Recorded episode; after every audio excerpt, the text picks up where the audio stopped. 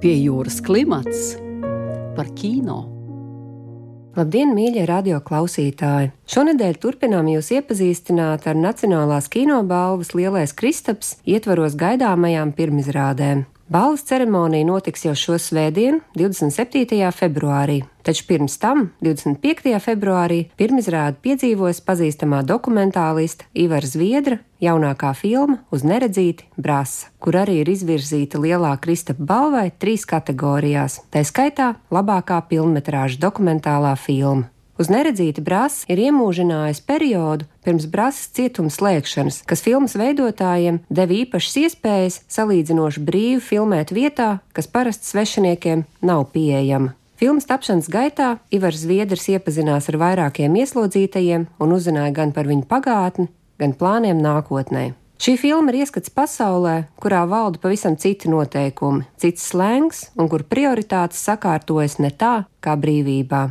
Filmas režisors un scenārija autors ir Ivars Zviedris, viens no scenārija līdzautoriem Jānis Joņevs, operators Haralds Ozols, montāžas režisore Inese Kļava. Filma tapusi sadarbībā ar studiju Ego Mēdī. Lai pastāstītu vairāk par filmas tapšanu, šodien studijā viesojas režisors Ivars Zviedris. Sveicināti! Labdien! Kā radās šī ideja filmai, vai tāda ideja jau bija pirms tam, vai tieši šīs ziņas par brāzas cietuma slēgšanu bija tās, kas radīja ideju, ka to vajag iemūžināt? Dažādi. Man ilgadējā kolēģi Inese teica, ka man vajag ielīst kaut kur kādā tādā zaņķī, kur neviens cits negrib līst. Nu, un tad pēkšņi es izlasīju kādā rītā, ka slēdz ciet brāzas cietumu par 1. aprīli, un tas bija nemaldos, nu, janvāra sākumā. Man likās, ka būtu interesanta tāda ekskursija pa brāzas cietumu, kur um, mēs varētu sevi izvest ekskursijā un arī skatītājs. Tā arī tā ideja radās. Cik ilgs bija šis process, kamēr jūs dzīvojāties pa brasu?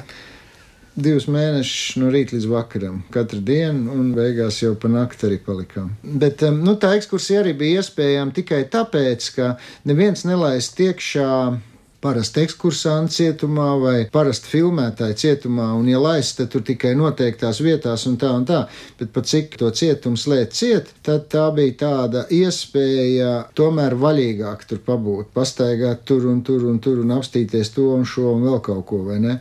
Tā bija tādā ziņā unikāla izdevība, jo ne katru dienu slēdz ciet cietumā. Kas bija pats izaicinošākais, mēģinot atrast šo kontaktu tieši ar ieslodzītajiem? Cik viņi bija atsaucīgi, vai viņi vēlējās runāt, vai viņi nevēlējās runāt?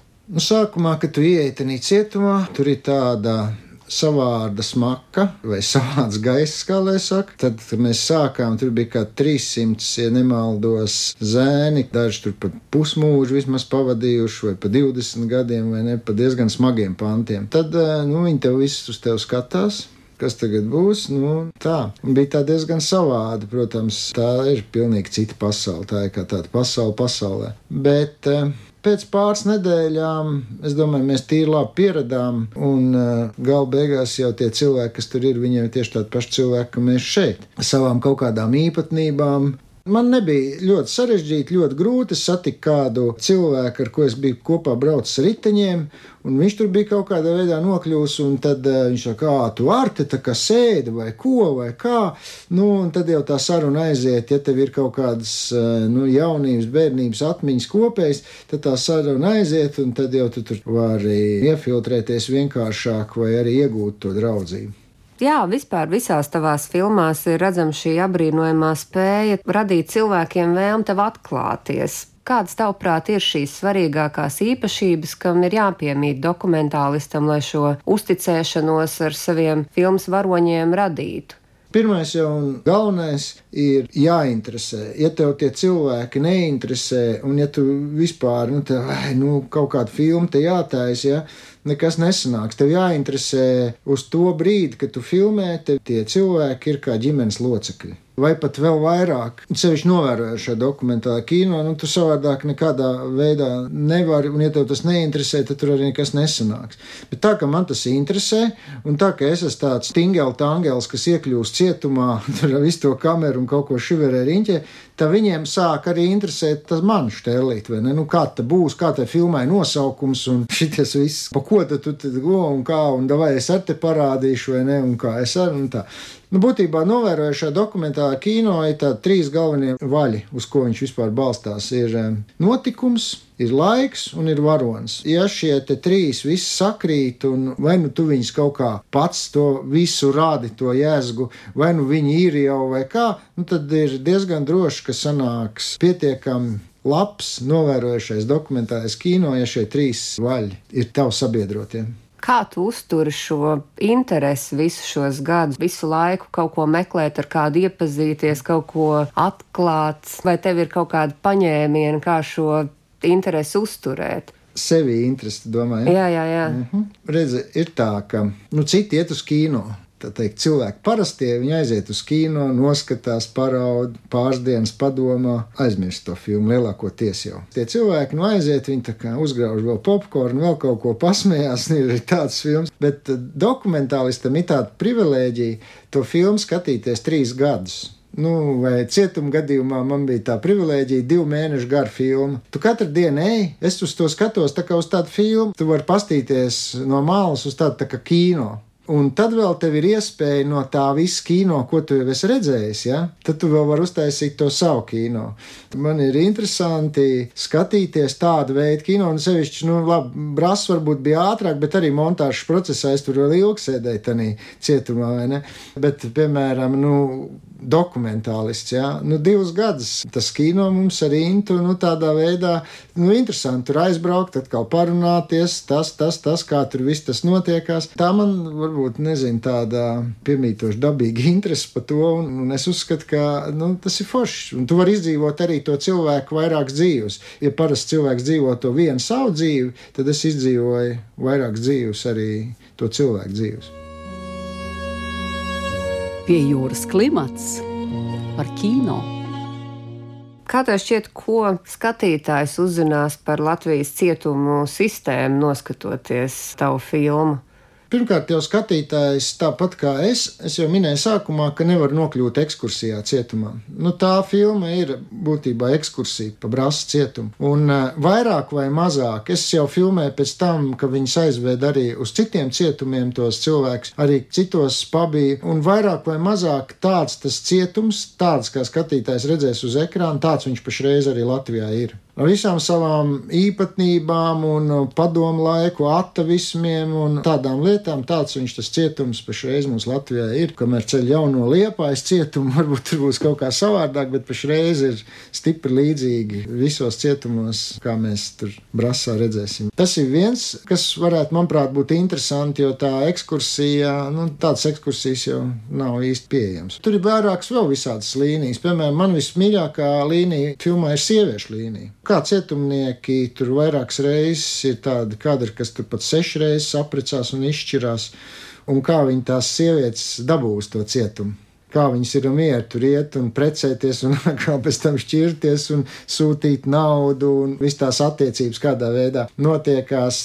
Es negribu varbūt, varbūt stāstīt, tur jāstāsta, bet mēs uztaisījām tādu eksperimentu. Tur tīri redzams no paša sākuma līdz pašām beigām, kā notiekās kā atnāk viena draudzene uz satikšanos. Tāda vēl tur ir lieta. Nu, Vēl dažādas tur ir līnijas. Tādā filmā tur nav tikai tik vienkārši, bet lielos vilcienos tā ir ekskursija. Un tā ekskursija, manuprāt, vedina domāt, kā satiekās tā jaunā sistēma, kas ir resocializācija un moderni visādi saukļi. Man neizdevās nofilmēt, bet, piemēram, uz ziņojuma dēļ pirms lieldienām stāv uzraksts Mīļie ieslodzījuma vietas pārvaldes klienti. Šodien pagalmā būs olu ripināšana.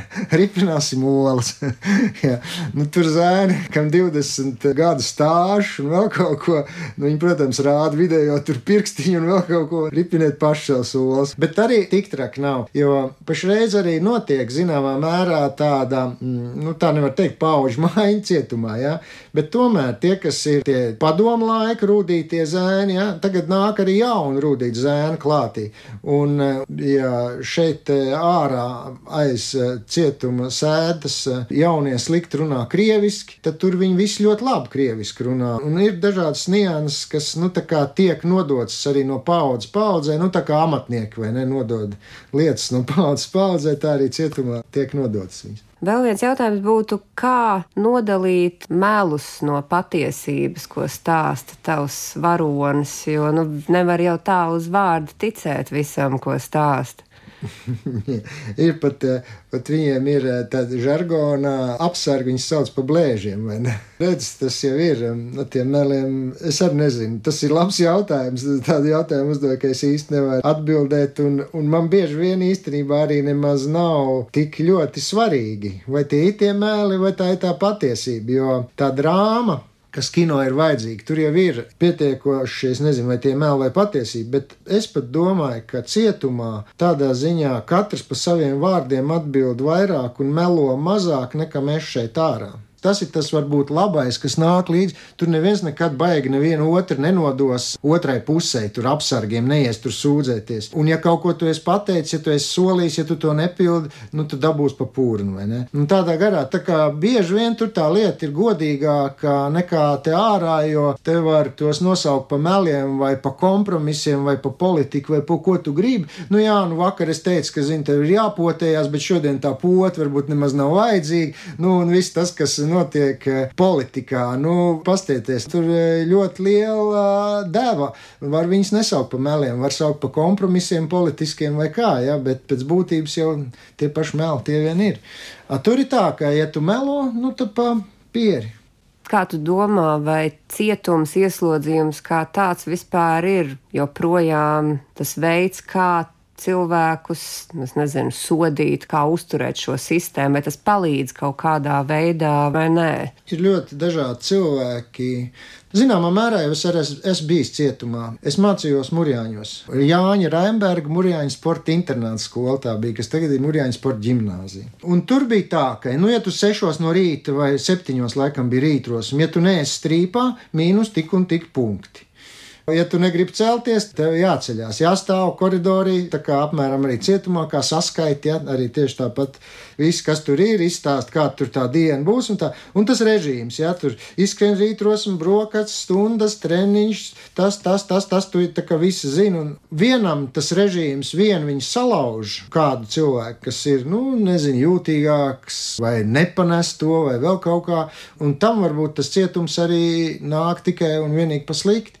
Bet kādam citam kas ir uh, savādāk konstruēts, kam tas režīms tomēr iemāca nu, kaut kādu. Es, piemēram, domāju, ka man tas sports un šitie, šie paši mūrjāņi, visu to puscietumu režīmu, kas tur bija, man viņi daudz ko ir devuši. Tādu mērķtiecību, nav kaut kāda vārdiņa, nevari, vai es apsolu, un tad to nedaru, nu, vai vēl kaut ko. Tur tas nav iespējams. Tev no tās sistēmas ātri izmet. Tā sistēma no vienas puses ir ļoti primitīva. Ja tu kaut ko nevari, tad tā sistēma vienkārši izmet ārā. Nav tā, ka nu, te mēs varam, nu, dišķi kā uz vienu pusi, bišķi uz otru pusi. Un tieši tāpat, man liekas, cietumā dažām tas ir ļoti noderīgi. Viņš tur pārdomā dzīvi, un tur arī es sastapu džeku, kas uh, izmācīja pa juristu, tur, jā, viņam uh, pilnu gultu pakša grāmatām, vai ne, un, un, un tur ļoti dažādi, protams, tie cilvēki. Protams, ir tā cilvēki, kas tas cietums viņam ir dzīvesveids, nu, viņš iziet ārā, tur bija viens kungs, kas sēdēja no 1983. gada. Viņš iziet tur gadu vai kā, un tad viņš izdomā, vai nu izdomā, vai gadā sakal, kā nokļūt atpakaļ. Un es domāju, viņš tur jūtās pietiekami komfortabli. Viss tur ir skaidrs, ir viņam tas režīms. No ārā mums katram pašam kaut kāds savs tas režīms ir. Tu tā arī galīgi nevar, ka galīgi tur frīraidā neko nedarīšu, vai ne? Nu, tad te var vēl tā sistēma izmetīs no šejienes. Bet tie, kas nevar šo režīmu izturēt un sev uztaisīt, nu, nokļūst tur nu, tā kā nav baigi divas vienādas receptes, ir ļoti dažādi. Un, un es pat teiktu, tā amplitūda krietni plaša. Vienam tas ir ļoti derīgi, vienam nav derīgi, vienam vēl kaut kā. Nu, nav jau, protams, noslēpums arī tas, ka cietumā arī tiek kaldināti plāni jauniem noziegumiem. Tas tas pats, ko es minēju tām sievietēm. Nu, kā tev tur ir laiks 24, 7. Piecelies, kas tur ko tur padara, kas tev kaut ko tur prasa, bet smadzenes tev ir tādā ziņā brīvi, tev nav jādomā, ko es tad, tad, tad, tad darīšu. Tavā vietā viss tur domā. Nu, un tad tu vari domāt kaut ko citu. Un 24, 7, ja tu vari kādai sievietei stāstīt, cik viņa ir skaista un, un visu to, ko viņas grib dzirdēt pārsvarā, vai ne, un nu, tad sanāk. Te nav laika, tad tev ir jādara tas un šitas un kaut kas, un bērni, darbs, eh, ceļš, kas tur vēl, bet tur var. Pie jūras klimats par kino. Nu, ņemot arī šī brīža situāciju politisko pasaulē vērā, kāds, tavuprāt, ir galvenais dokumentālistu uzdevums šobrīd? Ko dokumentālais kino var palīdzēt vai ko tas var dot? Jā, tas ir labs jautājums. Nu, redz, tas dokumentālais kino vispār ir specifisks kino paveids. Un uh, domāt tā, ka es tagad ar savu kino izglābšu pasauli, un tāpēc es taisīšu to kino, var tā, bet es laikam tā nē. Man drīzāk caur kaut kādu vienu cilvēcisku lietu vai kaut ko tādu ir vērtīga. Jo, jo jābūt jau arī tam kino vērtībām. Tas aizvelk uz to, ka nu, tev sanāk tāds labs televīzijas raidījums vai vēl kaut kas. Tāds kino ir vairāk balstīts uz zināšanām, uz kaut kādiem faktiem, uz kaut kādu pragmātiku, bet eh, es cenšos tomēr taisīt kino, kur vairāk eh, kā, dominē sajūtas. Nu, skatītājs, lai vairāk jūt to kino, nevis saprot. Un tur, protams, dokumentālajā kino ir baigi jānobalansē pa vidu, jo tu jau nevari arī teikt pēkšņi kaut kādas faktus, nu, kā Putins izdomā, ka Ukraina nekad nav bijuši, Ukraina nav nekad nācija bijuši un vēl kaut ko. Ja?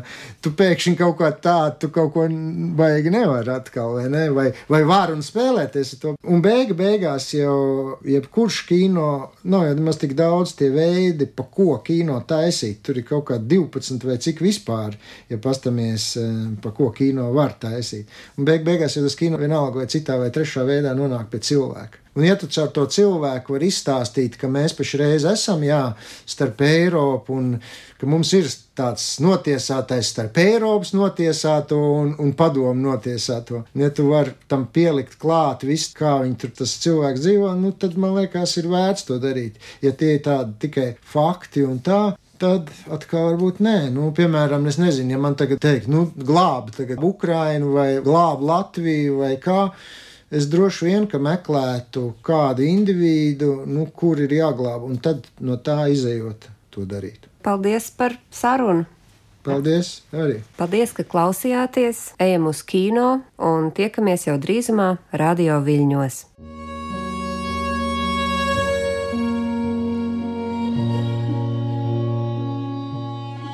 Raidījumu vadīja Marta Elīna Martinsone, montēja Andra Černievska.